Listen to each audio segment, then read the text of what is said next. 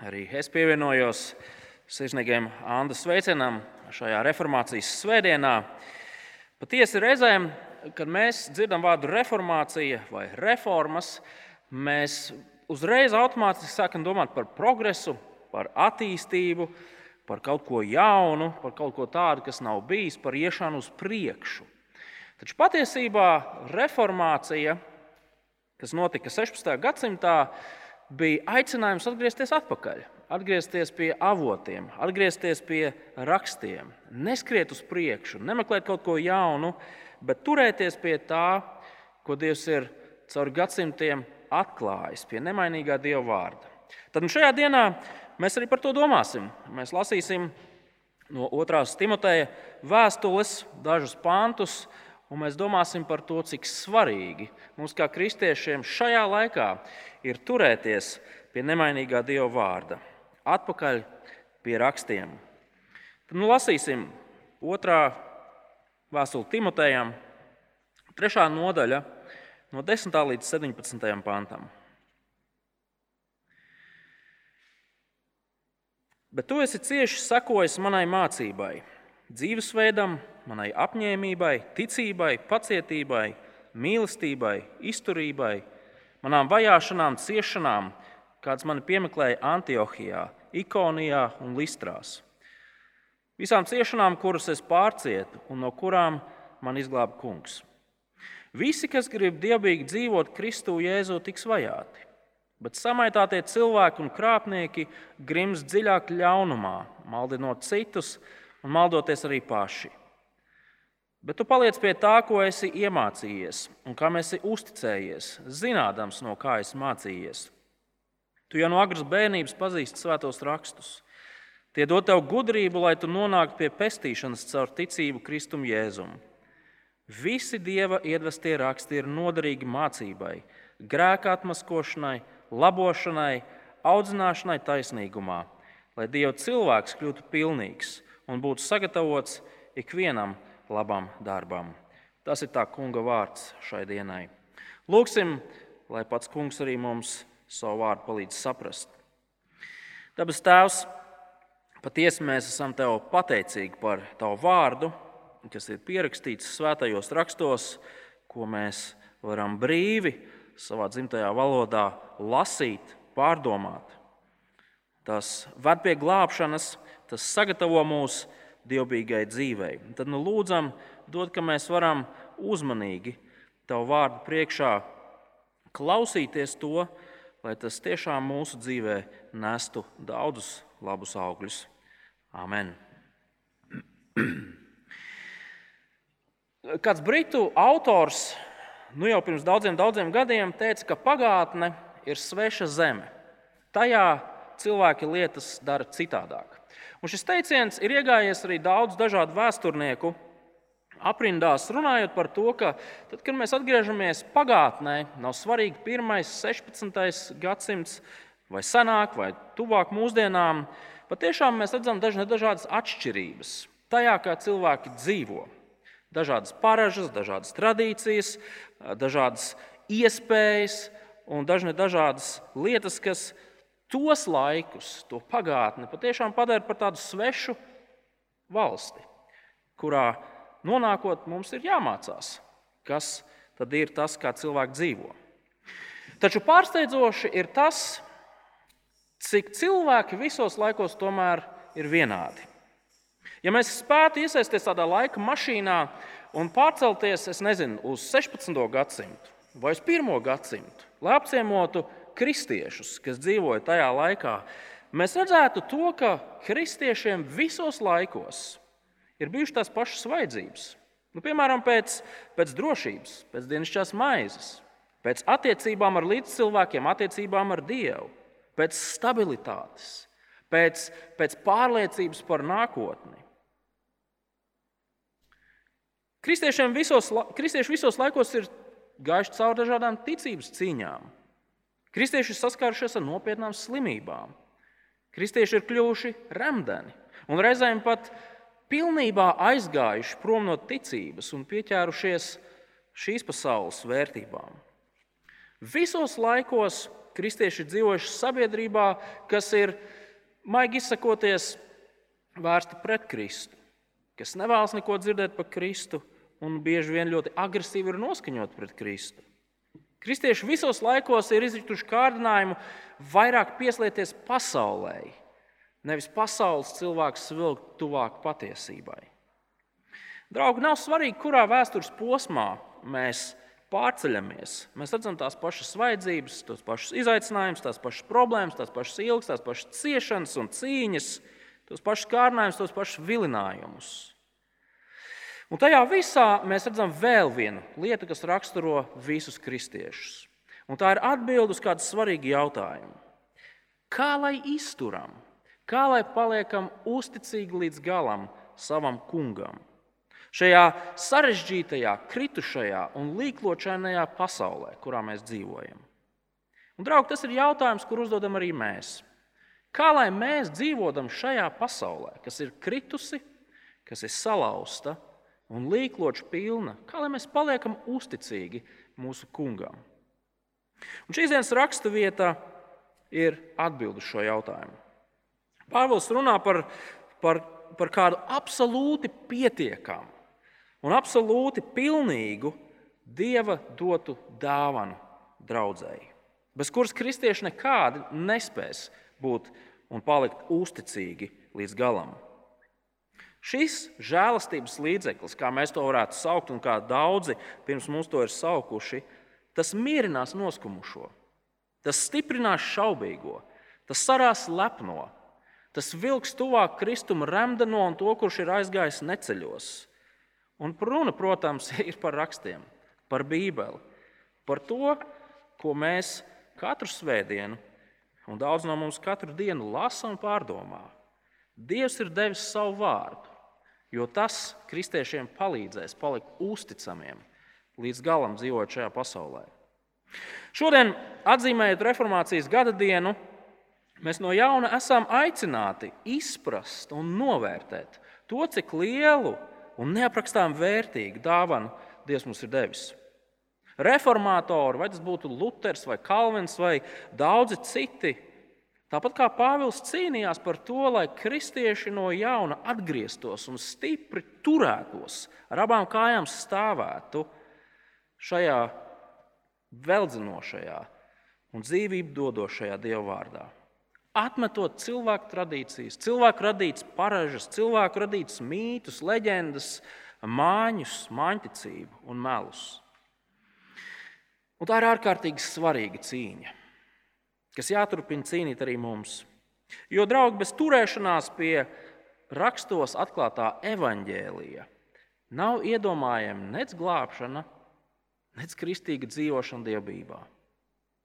Bez šīs cīņas Mēs kā kristieši kļūstam vāji, mūždien nepārliecināti, mēs kļūstam pasaulīgi. Mēs pieslienamies tām lietām, kas mūsu pasaulē ir svarīgas. Mēs neko neatšķiramies no saviem līdzcilvēkiem. Ja mēs aizējam no rakstiem, mēs kļūstam remdeni. Un briesmas ir tādas, ka mūsu bērni kļūs vēl remdenāki par mums. Un mūsu mazbērni pat nezinās vairs, kas ir desmit baušļi. Šīs cīņas likmes ir ārkārtīgi augstas. Tas ir visaugstākās. Un Pāvila mērķis šajos pantos, kurus pirms brīža lasījām, ir pavisam vienkāršs.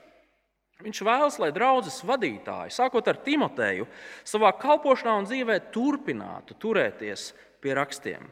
Raksti ir pilnīgi pietiekami. Turies pie viņiem. Un vienlaikus tas nozīmē, ka draudzēji ir jāsako un jāatbalsta tādi vadītāji, kas uzticīgi turās pie rakstiem. Lai kristietis varētu palikt uzticīgs līdz galam, viņam ir jāturas pie rakstiem. Taču tas nebūs viegli. Jo šajā pasaulē dzīvojot pēc Dieva vārda, mēs neizbēgami saskaramies ar ciešanām un grūtībām. Un tieši tas konteksts ir tas, kā Pāvils sāk šīs dienas raksturvietu. Veltīsim tam dažas minūtes. Tā ir pirmā lieta, ko mēs šodien redzam. Ka mums ir jābūt gataviem paciest, eh, patiesības dēļ ciest. Šīs dienas raksturvieta sākas ar to, kā Pāvils Timotejam atgādina to, kā Timotejs līdz šim ir sekojis gan Pāvila mācībai, gan Pāvila dzīvesveidam. Ieskatieties vēlreiz 10. un 11. pantā. Bet tu esi cieši sekojis manai mācībai, dzīvesveidam, manai apņēmībai, ticībai, pacietībai, mīlestībai, izturībai, manām vajāšanām, ciešanām, kādas man piemeklēja Antiohijā, Ikonijā, Listrās, visās ciešanās, kuras es pārcietu un no kurām mani izglāba kungs. Timotejs, Timotejs ir dzirdējis Pāvilu mācām evaņģēlīju. Timotejs ir redzējis to, kā Pāvils dzīvo. Timotejs ir dzirdējis par to, kādām grūtībām Pāvils ir gājis cauri, kad viņš ceļoja un, un, un kalpoja šajās trijās vietās - Antiohijā, Ikonijā, Listrās. Apstuļu darbu grāmatas 13. un 14. nodaļā mēs varam lasīt to, kā Pāvils tur klājās. Antiohijā esot, pret viņu sacēlās pilsētas iedzīvotāji un izraidīja viņu no pilsētas. Ikonijā cilvēks sacēlās un vēlējās Pāvilu un viņa cīņu biedru Barnamu nomētāt ar akmeņiem. Galu galā Listrās viņiem tas arī izdevās. Cilvēki nomētāja Pāvilu ar akmeņiem, izvilka viņu ārā no pilsētas, jo uzskatīja, ka viņš ir beigts. Šausmīgas ciešanas un pārbaudījumi. Bet Pāvils saka, tajā visā es neesmu zaudējis pacietību, izturību, mīlestību. Visā šajās situācijās viņš nav zaudējis paļāvību uz Dievu, kurš ir viņa glābējs. Un tas, starp citu, ir interesanti, ka, Pāvils, ka Pāvēlam Dieva dāvātā glābšana uh, ir nevis izvairīšanās no ciešanām, ikurāt, izbēgšana no nomētāšanas ar akmeņiem, bet gan spēja to paciest un izturēt. Un es pieņemu, ka tas nav gluži tas pats, ko mēs saprotam vai gribētu redzēt kā dievu glābšanu mūsu dzīvē. Bet tas lai paliek kādā citā reizē. Draugi, kāpēc Pāvils Timoteju aicina sekot viņa piemēram, domāt par šo piemēru, turēties pie šī piemēra? Divas svarīgas lietas. Un pirmā no tām ir, ciešanas ir kristīgās dzīves realitāte. Skatieties, 12. pantā. Visi, kas grib dievbijīgi dzīvot, Kristu Jēzu tiks vajāti. Vajāšanas un ciešanas, grūtības, pārbaudījumi ir normāla kristīgās dzīves sastāvdaļa. Tā ir realitāte, no kuras mēs neviens nevaram aizbēgt, ja mēs vēlamies dzīvot dievbijīgi. Protams, šajā brīdī Latvijā neviens mūs ar akmeņiem nemet, cietumā mūs neliek, uz nopratināšanām neved. Taču tas nenozīmē to, ka mūsu sabiedrībā mēs nevaram piedzīvot naidu, nepatiku, ņirgas, kas ir vēstas pret mūsu kungu un mūsu ticību. Tas, ka mūsu tuvinieki un draugi, mūsu darba kolēģi, mūsu tuvākie cilvēki mūs nesaprot un par mums smējas, reizēm nemaz nav tik viegli. Mēs visi to zinām. Būt par kristieti nav stilīgi. Tas nozīmē piederēt kaut kādiem vecmodīgiem svētuļiem, kas ienīst dzīves prieku, kas nevēlas, lai citi būtu laimīgi, kas neļauj sabiedrībai progresēt un attīstīties. Mēs to piedzīvojam skolā, mēs to piedzīvojam mājās, mēs to piedzīvojam darbā. Nemaz jau nerunājot par visiem sociālajiem mēdījiem, kuros šīs samazgas gāžās kā milzīgi tsunami viļņi. Un, draugi, ir vietas pasaulē, kur arī mūsdienās būt par kristieti, var tiešajā nozīmē, nozīmē riskēt ar savu dzīvību, ar savu veselību, ar savu iedzīvi, ar savu darbu, ar visu pārējo. Pāvils saka, ka ciešanas un vajāšanas, vai tās būtu verbālas vai fiziskas, ir normāla kristiešu dzīves sastāvdaļa. Tas notiek ik reiz, kad kristietis mēģina dzīvot dievbijīgi, tā kā tas saskan ar Dieva vārdu. Kristīgā ticība ir domāta vājiem cilvēkiem. Kristieši ir kaut kādi mazattīstīti. Kristīgā ticība nav savienojama ar zinātni un cilvēku domas attīstību. Ko tie kristieši ar saviem vecmodīgiem likumības standartiem, sabiedrība taču ir progresējusi. Ai, tie kristieši jau savā skaudībā negrib, lai citi būtu laimīgi. Mīlestība ir mīlestība. Ticība sabojā labus cilvēkus. Visi šie izteikumi, kurus jūs dzirdējāt, vienā vai citā kontekstā pēdējā pusgada laikā ir raidīti manā virzienā. Un es pieņemu, ka daudz no tiem ir raidīti arī jūsu virzienā. Un no vienas puses tas viss, protams, salīdzinājumā ar nomētāšanu ar akmeņiem ir tāds nieks vien ir. Taču no otras puses, no šiem vārdiem spiežas ārā naids, nepieņemšana, dusmas, agresija, nievas, izsmiešana. Un iedomājieties, ja tas viss nāk no draugiem, no radiniekiem, no līdzcilvēkiem. Ja gribat dzīvot uzticīgi Dievam, jūs cietīsiet. Un citādāk jau nemaz nevar būt. Cilvēki ienīda arī pašu Kristu. Un viņas sekotājs sagaida tas pats. Tā ir realitāte, kurā mēs dzīvojam. Ja patiešām gribam dzīvot kā kristieši, mums ir jārēķinās ar to un jābūt tam gataviem. Bet šajā realitātē ir vēl viens elements, un tas ir viltus skolotāji. Tad, tad, kad saskaramies ar ciešanām, ar grūtībām, mēs instinktīvi vēlamies kaut kas ātrāk beigtos un pāriet pareizi. Mēs, mēs negribam būt tie, par kuriem smējas kurus atstumj, kurus sauc par vecmodīgiem, nesaprātīgiem un tā tālāk. Mēs gribam būt pieņemti. Mēs gribam, lai, lai mēs cilvēkiem patiktu. Tas ir cilvēcīgi, pareizi.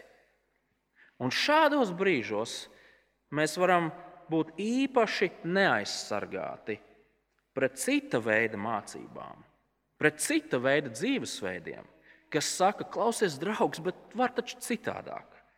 Var citādāk, ir vieglāks ceļš. Draugi, viltus skolotāju parādīšanās pie mūsu uh, dzīves ir nevis ja jautājums, bet kad jautājums. Viņi vienmēr klejo ap mums. Un tajos brīžos, kad mēs ejam cauri grūtībām, viņu balss ir jo īpaši vilinošas. Ieklausieties, kā Pāvils raksturo laiku, kurā Timotejam bija jādzīvo. Trešās nodaļas, pirmie pieci panti.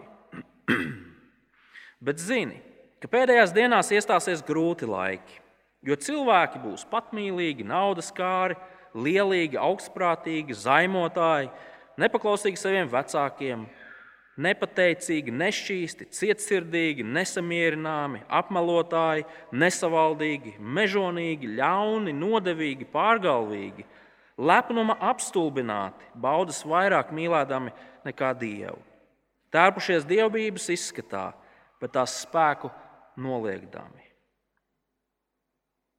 Es pieņemu, ka vēlreiz šo sarakstu, šo raksturojumu lasot lēnām, mēs redzētu to, ka mūsu laiks ir ļoti līdzīgs laikam, kurā dzīvoja Timotejs. Pēdējie laiki, par kuriem Pāvils runā, ir laiki, kuros dzīvojam arī mēs. Un, draugi, tas šokējošākais šajā aprakstā ir tas, ka Pāvils visticamāk nemaz nerunā par kaut kādu mežonīgu pasaules sabiedrību, bet gan par cilvēkiem, kas sevi uzskata par reliģioziem cilvēkiem. Iespējams, vienu otru, kas sevi sauc pat par kristieti. Taču tie ir lepnuma apstulbināti, baudas vairāk mīlēdami nekā dievu, tērpušies dievbijības izskatā bet tās spēku noliekdami. Šie skolotāji mīl naudu, slavu, baudu, varu un ietekmi, varbūt vēl kaut ko citu. Bieži vien viņu kalpošanas izskatās iespaidīgas, pat pasaules cilvēki viņus atzīst par veiksmīgiem un ietekmīgiem. Un tas pats par sevi jau ir tāds tā brīdinājums, signāls. Kristu pasauli ienīda, bet šie cilvēki gūst pasaules atziņu. Šie cilvēki sniedz intervijas pasaules žurnālos un raidījumos. Kaut kas ošs pēc sēra, manuprāt. Un tagad iedomājieties, kas par spiedienu Timotejam, šim draudzes vadītājam, bija jāiztur. Kārdinājums būt veiksmīgam, nevis tādam, kas, kas piedzīvo ciešanas un apkārtējās pasaules apsmieklu. Kārdinājums uzrunāt ļaužu masas, nevis tos 10, 20 eh, cilvēciņus, no kuriem daži tāpat viņā neklausās, jo pēc garas, garas darba nedēļas viņi vienkārši dievkalpojuma laikā ir aizsnaudušies.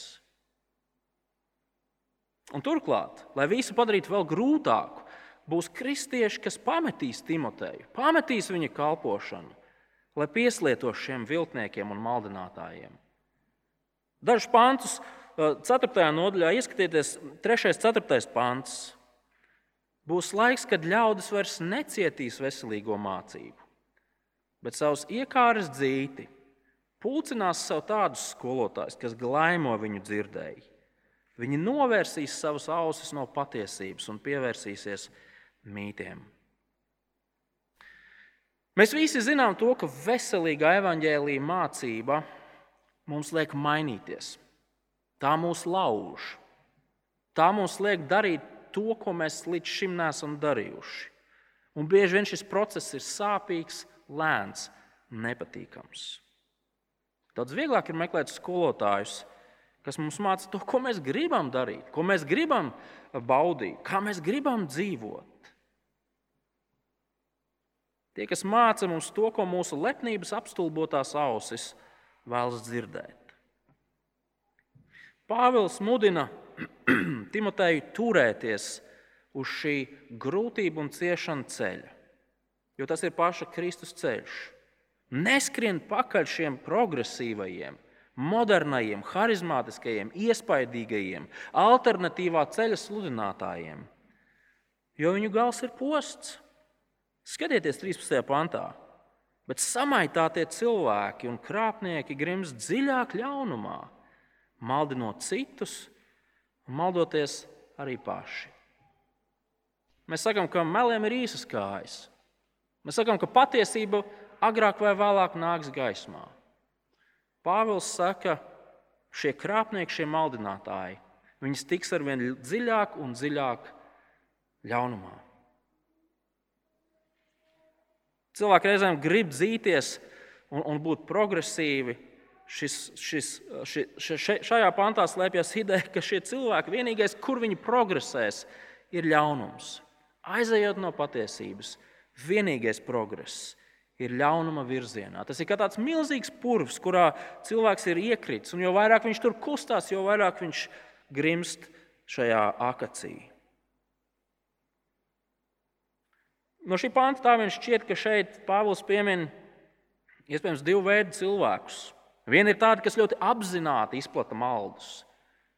Tās pašas naudas vai varas kāras dēļ viņi apzināti melo un vāc savu sekotāju pulku. Bet ļoti iespējams šeit arī tādi, kas neapzināti izplata melus. Viņi ir piemānīti un tagad viņi šos melus nes tālāk. Lai kā arī nebūtu, abos gadījumos tas viss noved pie traģēdijas. Pāvila izaicinājums Timotejam kā vadītājam ir ļoti skaidrs. Kristietim ir jādzīvo saskaņā ar Dieva vārdu patiesību. Bet tas nebūs viegli. Taču cita ceļa jau nav. Izvēlēsimies iet par citu ceļu, kas nav atklāts rakstos. Mēs atrapsimies purvā, un mēs grimsim dziļāk un dziļāk un dziļāk. Draugi, šis izaicinājums, kas ir mests Timotejam, tas attiecās arī uz vadītājiem mūsdienās. Vai mēs esam gatavi paciest neslavu, ķēngas, vai arī tomēr mēs cenšamies meklēt pavisam nemanām, nevainīgus kompromisus ar patiesību? Kādos brīžos mēs visvairāk izjūtam kārdinājumu klusēt, kad ir jārunā? Ko mēs darām, kad jūtam spiedienu izpatikt cilvēkiem, iegūt cilvēku atzinību, novērtējumu? Vadītāji, kā mēs rīkojamies, kad evaņģēlīja pasludināšana mūs ievada neveiklā situācijā, grūtā situācijā? Vai mēs saglabājam pacietību, izturību? Vai mēs, vai mēs turpinām mīlēt cilvēkus? Vai mēs turpinām paļauties uz Dievu? Ja mēs sākam kurnēt, burkšķēt, un vainot citus cilvēkus, vainot apstākļus tajā, ka mums neiet. Un šie vārdi, lai gan tie ir izteikti primāri vadītājiem, Timotejam un caur viņu citiem vadītājiem, tas ir izaicinājums arī draudzēji. Redziet, vadītāji ir tieši tādi paši cilvēki, tieši tādi paši kristieši kā ik viens cits. Ik viens kristietis saskarās ar spiedienu savas ticības dēļ. Ik viens kristietis saskarās ar kārdinājumu. Gan vadītājs, gan Jānis Parastais vai Anna Kristiete. Nav svarīgi. Jūsu vadītāji ir cilvēki ar savām vājībām, ar saviem trūkumiem, ar saviem grēkiem. Un kā tādiem viņiem ir vajadzīgs draudzes atbalsts. Tieši tāpat kā ikvienam citam kristietim ir vajadzīgs otra kristiešu atbalsts, lūgšanas. Vai mēs lūdzam par saviem vadītājiem? No savas pieredzes zinot to, cik grūti ir palikt uzticīgiem šajā pasaulē, kur visu laiku ir spiediens, tādiem nebūt. Vai mēs pieskatām savus vadītājus? Tieši tāpat kā jebkuru citu savu ticības brāli vai māsu. Vai mēs kā kristieši piedzīvojot grūtības, vajāšanas, kas nāk mūsu ticības dēļ, sakām, tas nekas. Es zināju, ka tā būs. Kungs palīdz man tam visam iziet cauri. Mēs dzīvojam laikā, kad turēties pie patiesības ir grūti, jo patiesība cilvēkiem nepatīk. Turklāt ir tik daudz alternatīvu, tik daudz dažādu ceļu un uzskatu, pa kuriem mēs varam iet. Tā ir realitāte, kurā mēs dzīvojam. Uzticība patiesībai ir milzīga cīņa. Nav viegli. Un tas mūs aizved pie otras lietas, ko Pāvils mudina savu jauno mācekli, jauno vadītāju Timoteju darīt. Tas, tas ir turies pie rakstiem, paliec pie rakstiem. Jo raksti ir vienīgais, kas mums var dāvāt glābšanu un sagatavot patiesdiebīgai dzīvei.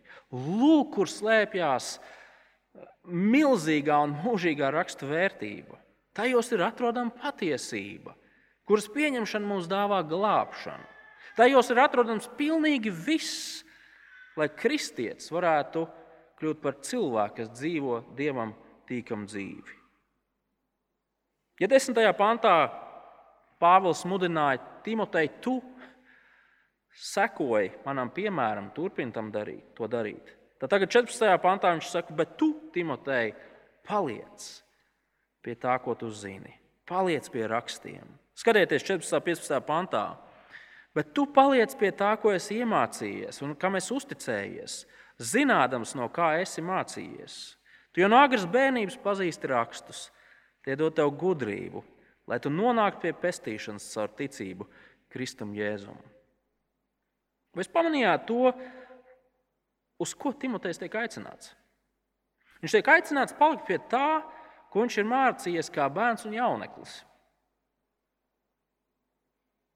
Kādā veidā Timotejs pārvarēs sava laika, savas sabiedrības spiedienu, saskaroties ar viltus skolotājiem, grūtībām un vajāšanām, ja viņš turēsies pie tā, ko viņš ir mācījies, kā bērns, kā jauneklis, kā jauns kristietis. Svarīgi ir saprast, uzreiz saprast to, ka te nav runa par kaut kādu indoktrināciju. Nabaga mazais Timotejs, viņš tur septiņas stundas dienā tika pakļauts smadzeņu skalošanai. Par to te nav runas. Timotejs ir mācījies no cilvēkiem, kuriem viņš uzticas. Viņš, un, un viņš tiem uzticas nevis tāpēc, vien, ka tur ir skalda un valde. Nē, viņš uzticas tāpēc, ka šie ir cilvēki, kas praktizē to, ko viņi sludina. Tie ir cilvēki, kuriem rūp Timoteja labklājība, nobriešana. Mēs jau redzējām, ka Timotejs ir sekojis Pāvila mācībai un Pāvila piemēram. Bet mēs zinām arī to, ka Pāvila mamma un vecmāma bija dziļi ticīgas sievietes. Un viņas jau no mazotnes Timotejam bija rādījušas, ko nozīmē iet pa dieva ceļiem. Viņas izdarīja savu darbu. Un, kad Timotejs sasniedza pilngadību, Viņš bija iepazinies ar rakstiem. Kā Pāvils saka, tu pazīsti svētos rakstus. Tie tev nav sveši. Kad es par šo nedaudz aizdomājos, kā trīs bērnu tēvs, es to uztveru kā, liela, kā lielu izaicinājumu. Cik daudz es rūpējos par to, lai mans dzīvesveids saskanētu ar rakstiem, lai es, lai saviem bērniem mācītu to, vai precīzāk sakot, izdzīvotu to, ko es viņiem mācu.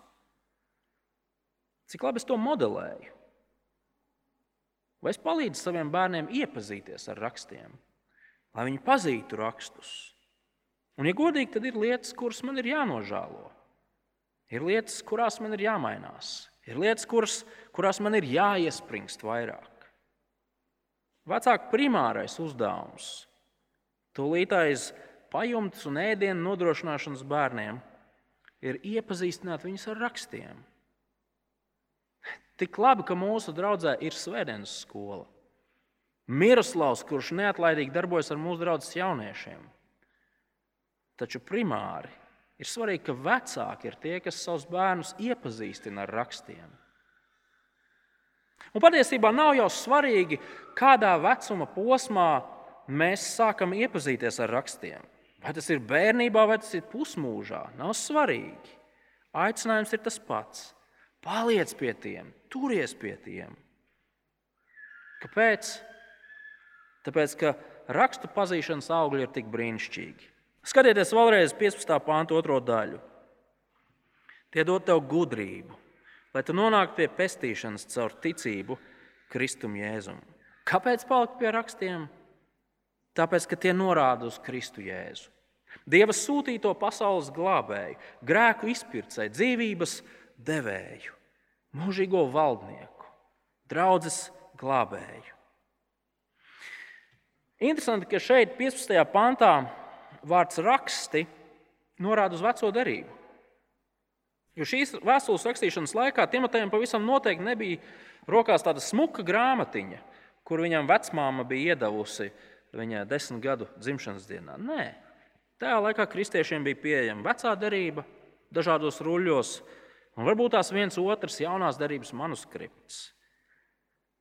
Bet Pāvils saka, ar to pilnīgi pietiek, lai tu varētu ieraudzīt Kristu un saņemt glābšanu.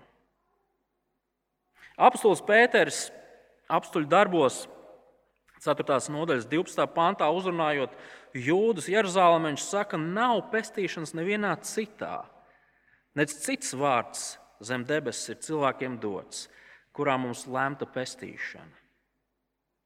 Pēters saka, tikai Kristus cilvēkiem var dāvāt glābšanu. Cita ceļa nav.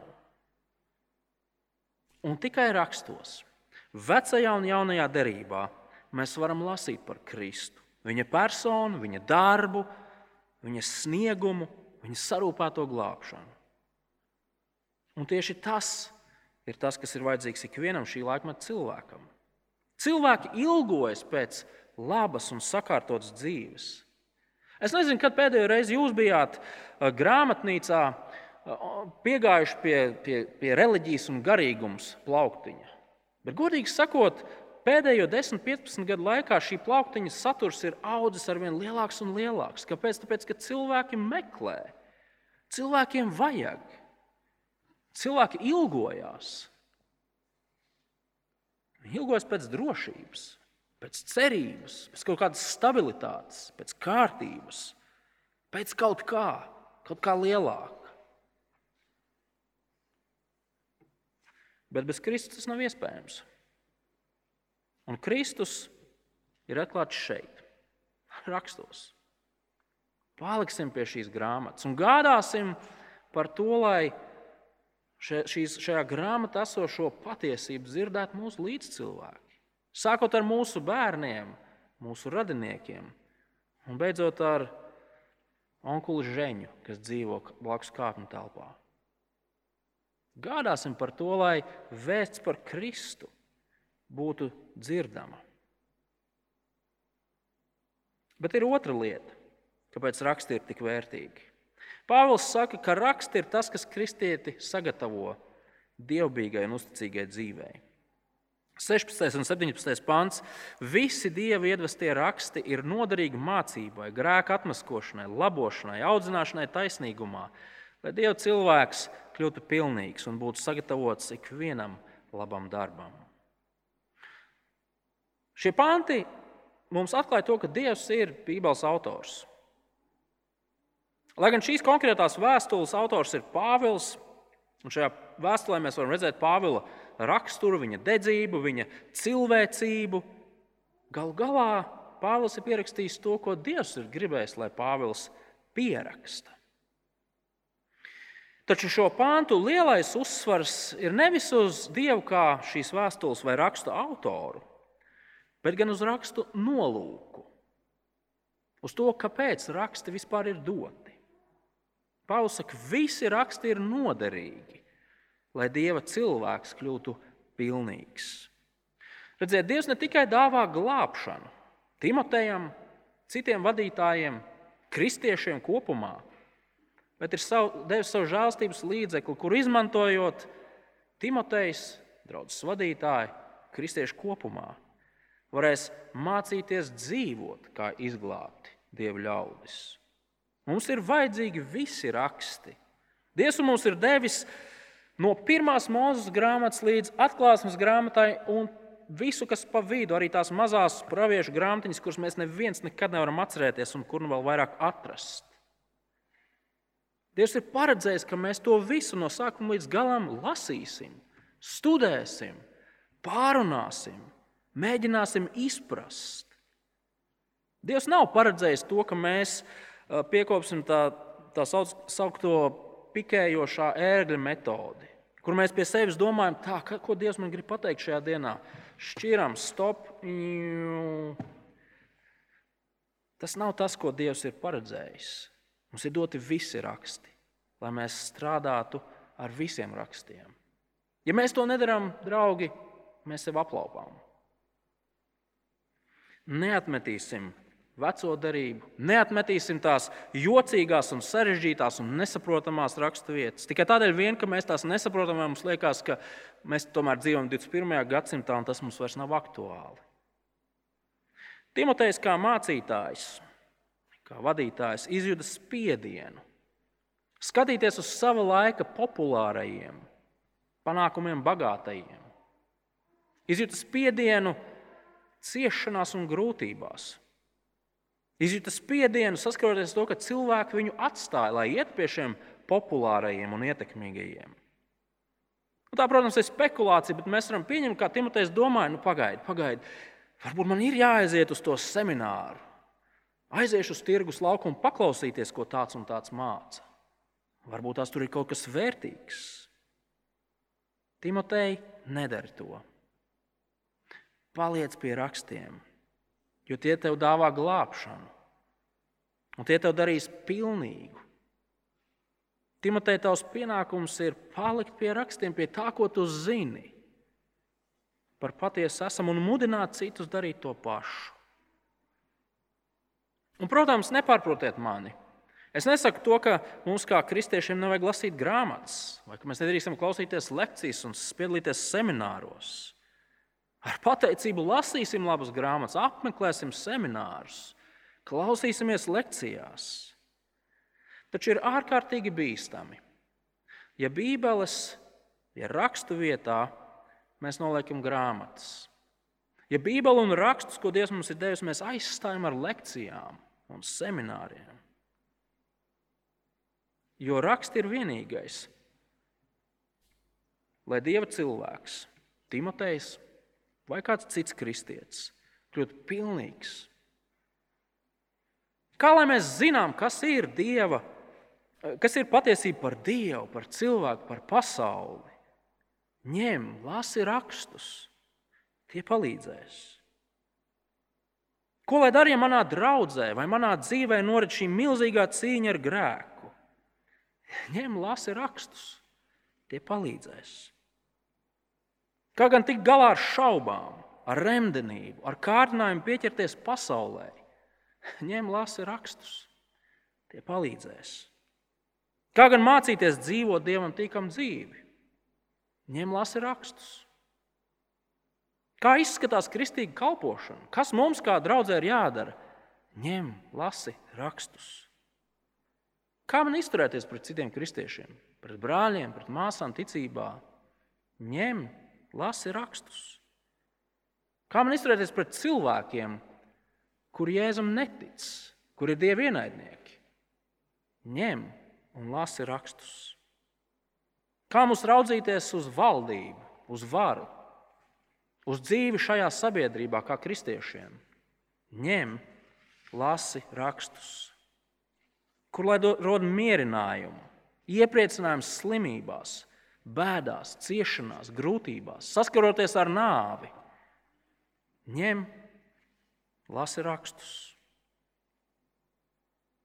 Visi dieva iedvestie raksti ir noderīgi mācībai, grēka atmaskošanai, labošanai, audzināšanai, taisnīgumā, lai Dieva cilvēks kļūtu pilnīgs un būtu sagatavots ikvienam labam darbam. Timotejs kā draudzes vadītājs kļūs pilnīgs un gatavs dievbijai dzīvei, katram labam darbam, ja viņš turēsies pie rakstiem. Mums kā vadītājiem ir jābūt pārliecinātiem par to, ka raksti ir pilnīgi pietiekami ikvienai ticība, ikvienam ticības un dzīves jautājumam.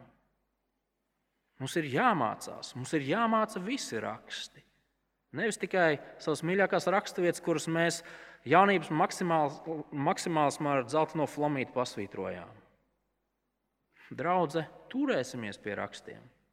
Turēsimies un atbalstīsim vadītājs, kas nopietni uztver visus rakstus. Lūksim, lai mums visiem kopā būtu spēks palikt uzticīgiem, palikt pie patiesības, evaņģēlīja, kas mums dāvā glābšanu un padara mūs pilnīgus. Lasīsim un pārdomāsim tos svētdienās, mazajās grupās, privātās sarunās vai ieslēgušies vienotnē kambarī. Šo cīņu izcīnīja Pāvils. Šī cīņa bija jācīna Timotejam, Šo cīņu cīnīja lielie reformatori un visi tie, kas viņiem sekoja.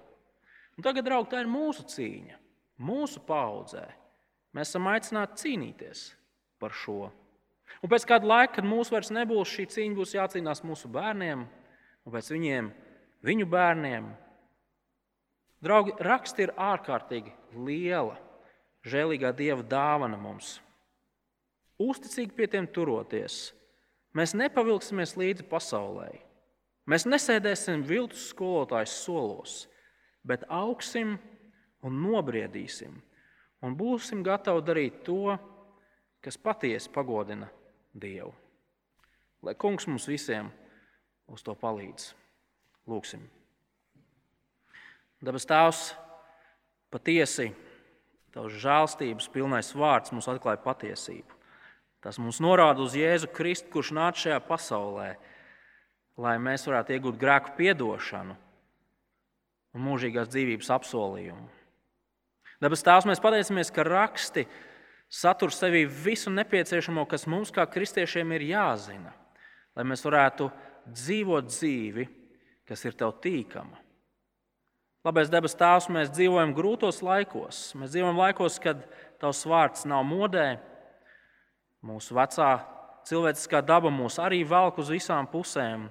Tad nu, lūdzam, palīdz mums turēties, būt uzticīgiem tavam vārdam, palikt pie tava vārda.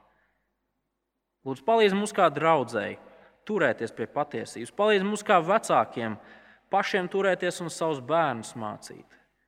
Kungs palīdz mums būt tādiem, kas viens otram atgādina un skubina. Nepamet to, ko tu zini neskrien pie citām balsīm, pie citām mācībām. Tās palīdz mums, jo ciešanas un pārbaudījumi ir realitāte, kurā mēs dzīvojam. Tās, bet tu esi daudz lielāks par visām ciešanām un pārbaudījumiem.